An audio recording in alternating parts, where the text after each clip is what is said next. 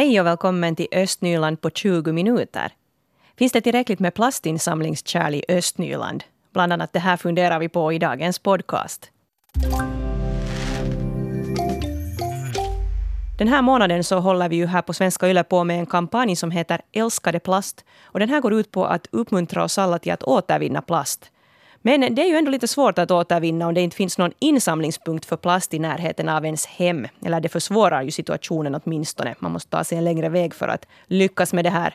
Och vår reporter Mira Bäck hon tog sig en titt på hur situationen ser ut här i Borgo.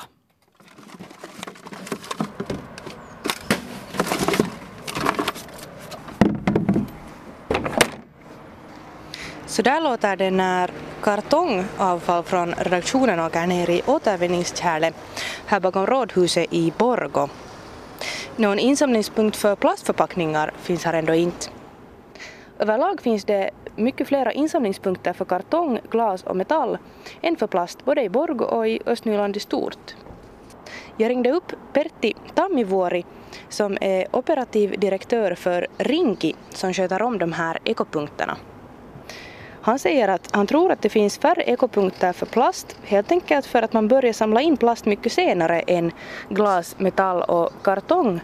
Och det där med plast äh, har, har insamlingen börjat äh, bara i 2016 alltså. Det, det, det har, vi har insamlat det tre år. Så det är en ny, nykomling på branschen måste man säga. Kommer det i fortsättningen att komma flera sådana här allmänna insamlingsplatser för, för plast i Borgå och övriga Östnyland? Under eh, 2019 vi har ökat mängden ekopunkter för plast i alla kommuner som är större än 400 invånare. Eh, jag, jag, jag kan inte säga om, om, om vi kommer att öka, öka mängden i Borgå men, men vi måste passa lite och och titta på situationen, hur, hur, hur den kommer att ändras nu i, i framtiden och fatta beslut då senare. Det sa Pertti Tammivuori som är operativ direktör för Rinki. Vi ska höra vad Borgobor har att säga om antalet plaståtervinningspunkter. Sirpa Hopeamaa, brukar du återvinna plast? Det gör jag. Det har jag gjort för många år faktiskt. Tycker du att det finns tillräckligt med sådana här insamlingsplatser för, för plast här i, i Borgo? Nåja, inte kan man säga tillräckligt. Det finns några, men man måste veta exakt var de, är, var de ligger. Man borde ha mera, det är sant. Tror du att folk skulle, skulle återvinna mera plast om de här sådana här insamlingspunkter skulle finnas mer av? Jag tror att det är någonting man måste eh, själv eh, att, att det är någonting man måste göra. Man, man, man tycker att jag måste göra det. det. det. beror inte på hur många platser det finns utan att, att du själv tycker att det är viktigt till världen och till mig själv. Kaja Lindroth, brukar du återvinna plast?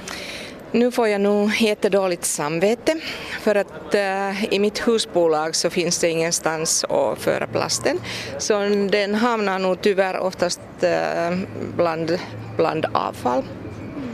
Och samma fråga äh, håller vi på att diskutera på jobb också. Där är det många också som ser fram emot att vi skulle få plastinsamling där men det har vi inte ännu.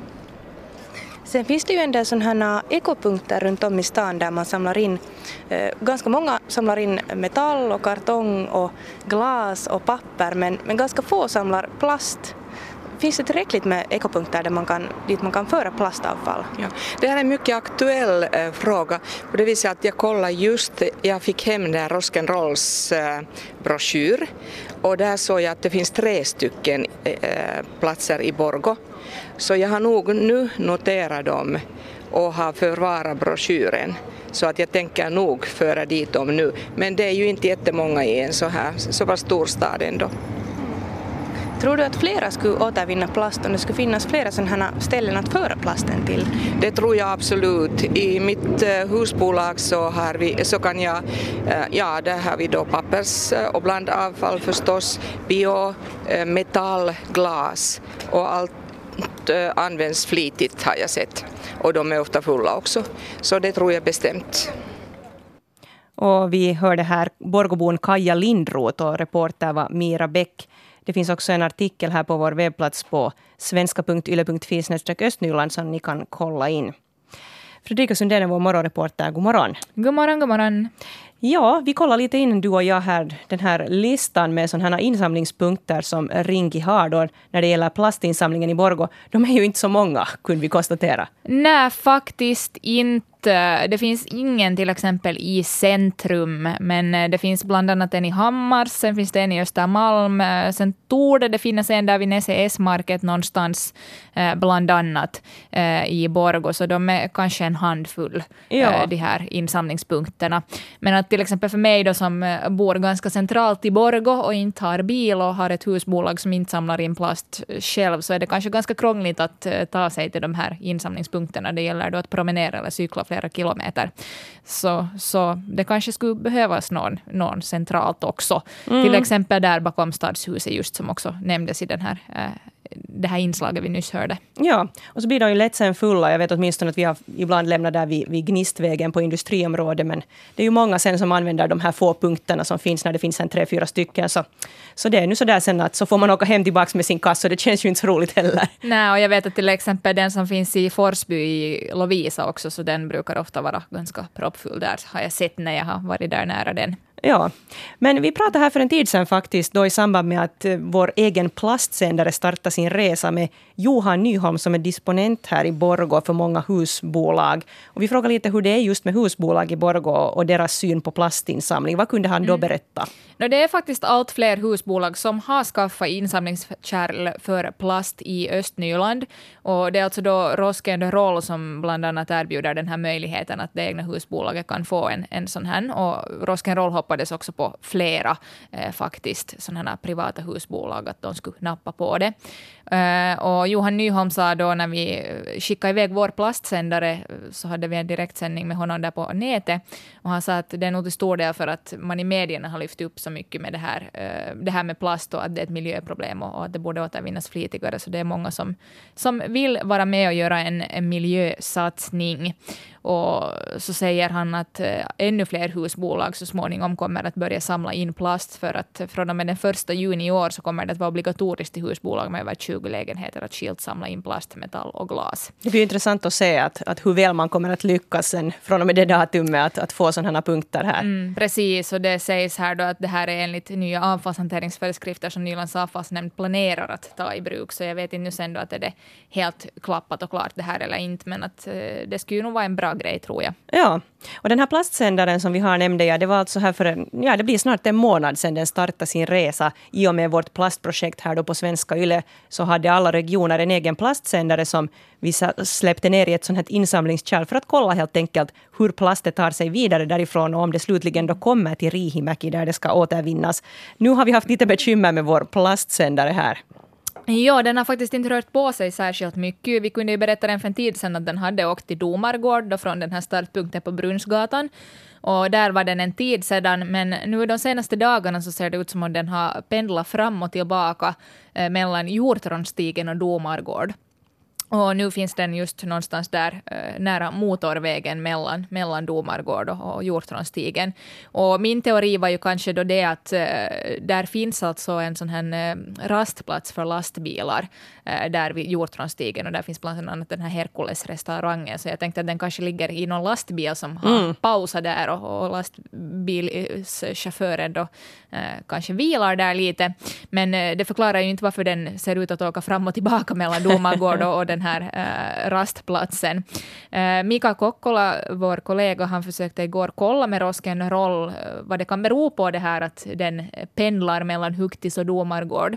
Och ingen på Rosken Roll kunde förklara den här saken. De lovade att försöka utreda det och återkomma, så kanske vi får ett svar här i, i något skede.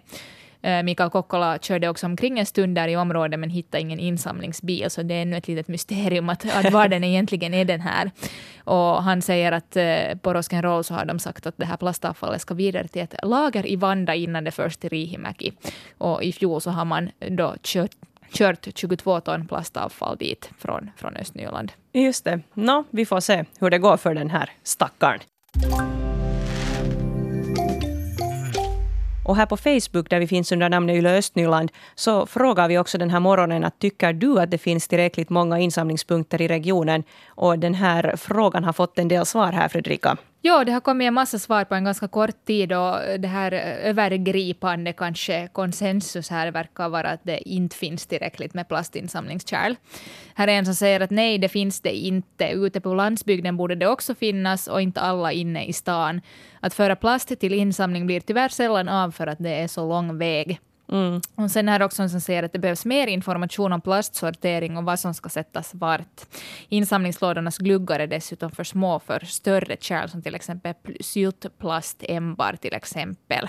Ja, jag tycker också att det är inte alltid så lätt att veta vad man ska sätta dit i den där plastinsamlingen. Nej, precis. Och det är ju sen vissa plast som inte får läggas dit. Ja. Och, och, så här att det som nu kanske är lättast att veta att man ska sortera är sådana plast, liksom typ schampoflaskor och sånt som är av, av vit eller, eller genomskinlig plast och, och sånt här. Men sen är det vissa grejer som man inte ska sätta dit, till exempel tandborstar ska man tydligen inte sätta i plastinsamlingen. Ja. Så att det gäller att ha ganska noggrann koll där.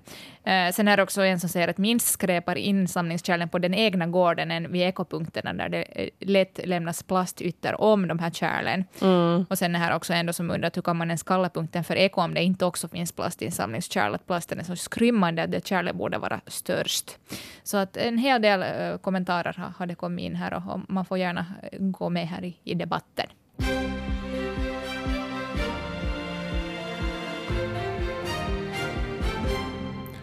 Klockan är halv nio nu, nyheterna från Östnyland. Jag heter Stefan Härus. God morgon. En ny webbtjänst ska locka företag och arbetstagare till distansarbete i Pyttis och Lovisa. Webbtjänsten Itätyö för samman distansarbetare och organisationer som erbjuder distansarbete.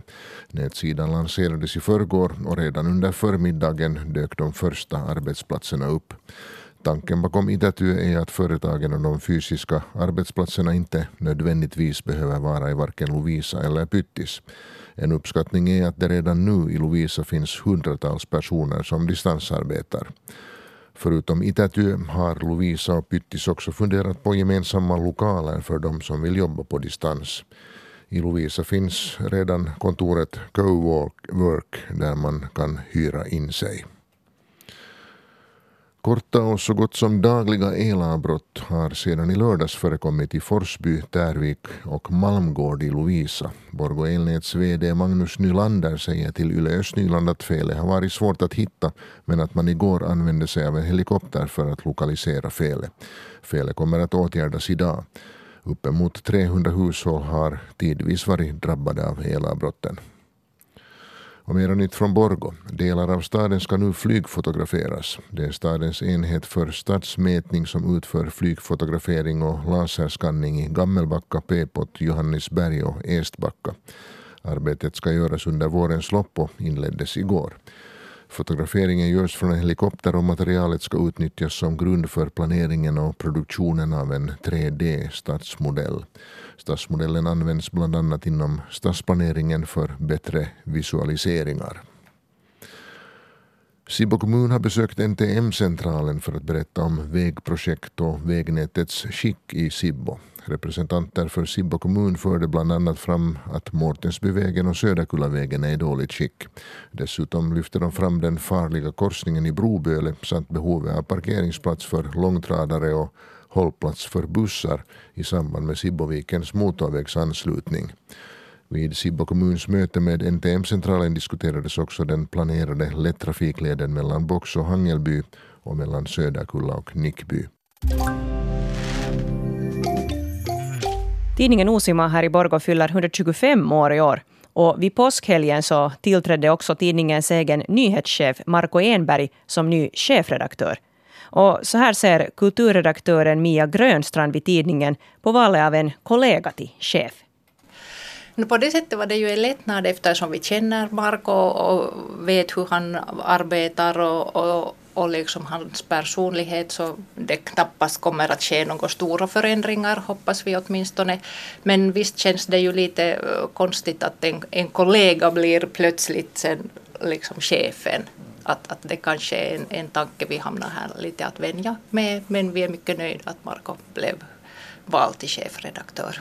Osman fyller i år 125 år och det har förflutit 150 år sedan grundaren Johannes Linnankoski föddes i Askola. Hur ser då Mia Grönstrand på sin roll som kulturredaktör för en finskspråkig tidning i den östnyländska svenskbygden? No, jag tycker Osima passar riktigt bra fast eh, historien är ju så att säga mycket finskspråkig. Men att jag upplever själv, eftersom jag är tvåspråkig, att, att det är också viktigt att Osima erbjuder information vad som händer i den svenskspråkiga bygden. För det finns ju många tvåspråkiga prenumeranter och, och de flesta läser ju suveränt båda språk. Eller då svenskspråkiga läser också Osima eller tvärtom. Så jag tycker att det skulle vara jättekonstigt om vi skulle bara liksom eh, betrakta eh, den finskspråkiga kulturen. Och jag skulle uppmana människor att eh, oberoende modersmålet gå och titta på pjäser på svenska eller på finska eller oberoende ens modersmål. Så. Är det någon speciell kultur Eh, sådana här ämnesområde eller sektor som, som du bevakar eller som ni bevakar? No, det är väldigt blandat eftersom jag eh, för det mesta ansvarar ensamt för det här kulturen, eh, nyheterna, men att vi försöker nu så omfattande som möjligt. Visst har vi ju det här EG Runebergspriset för litteraturen så det mm, kanske ju ger en sån där känsla att, att litteratur är liksom det som vi övervakar mest men att naturligtvis allt. Eh, när jag pratade med Marco här just så, så funderade jag, jag ser den lite så här som vet du, Helsingin Sanomat i, i miniatyr. Eh, till skillnad från Sipon Sanomat och kanske Lovisan Sanomat. För att den är, den är så bred, den täcker så väldigt, väldigt mycket. Har, har du samma uppfattning? Känns det liksom att skriva för en, en, en stor tidning, en stor liten tidning? Vad är liksom din uppfattning när du om din roll som redaktör på Osima? Eh, no, jag underskriver nog det här att, att, eh, att liksom en stor tidning i, i liten format kanske. Att, att nu försöker vi ju också följa med och, och vi har ju det här liksom inrikessidorna och, och inom, om jag nu talar liksom inom kultursektorn så nu försöker jag nu titta också liksom att vad som händer i Helsingfors och, och, och tänka att skulle den kanske locka locka våran äh, läsare eller prenumeranter men att äh, visst är liksom fokus ändå i Borgå skulle jag nog säga. Att. Det är 125 år sedan Åsema grundades, det är 150 år sedan Linnankoski eh, föddes. Kommer du att skriva om det eller uppmärksamma det på något sätt? Eh, no, vi har eh, samarbete nu med Linnankoski seura och samt eh, Askola har ju eget sån här Linnankoski seuraförening också. Och, och det där, de har eget program och naturligtvis kommer vi att, att rapport, rapportera om, om det. Och så åtminstone nu kulturredaktionen kommer att erbjuda våra prenumeranter något lite speciellt program här under årens lopp. Och det sa Mia Grönstrand som är kulturredaktör på tidningen Osima. Och det var Leo Gammal som var reporter. Lovisa kommer att delta i ett försök med avgiftsfri småbarnspedagogik för femåringar. Eh, det handlar alltså då om dagisbarn som man nu då vill nå ut till sådana familjer där kanske femåringar då inte har varit på dagis och skulle må bra av eventuellt att ta del av den här pedagogiken som finns på daghemmen nu för tiden. Fredrika, när ska man inleda det här projektet? Det börjar i augusti, så det är i praktiken då nästa läsår. Eh, från och med den första i åttonde 2019 till och med den 31 i sjunde 2020 eh, så kommer eh, Lovisa stad att delta i det här försöket. Och det är alltså undervisnings och kulturministeriet som har ett sådant försök med avgiftsfri småbarnspedagogik. Och det här omfattar alla barn som är födda 2014, så femåringar, de som fyller fem i år. Och placeringsbesluten för barn födda 2014 eh, inom kommunal småbarnspedagogik så korrigeras sen automatiskt utgående från antalet timmar som vårdnadshavarna har meddelat. Man kommer att få 20 avgiftsfria veckotimmar, så att ungefär 20 timmar i veckan. Och sen då om man eh, har ändå barnet på dagis mera än, än 20 timmar i veckan så faktureras sen resten enligt den här Eh, reserverade tiden. Mm, så fyra timmar per dag ungefär. Jepp. Så att eh, en stor del får man, får man då gratis, fast det inte är kanske helt gratis. Så att eh, från och med augusti så inleds det här försöket för, för barn födda 2014. Östnyland på 20 minuter är en Svenska Yle-podcast. Det finns flera poddar på arenan. Jag heter Katarina Lind. Vi hörs!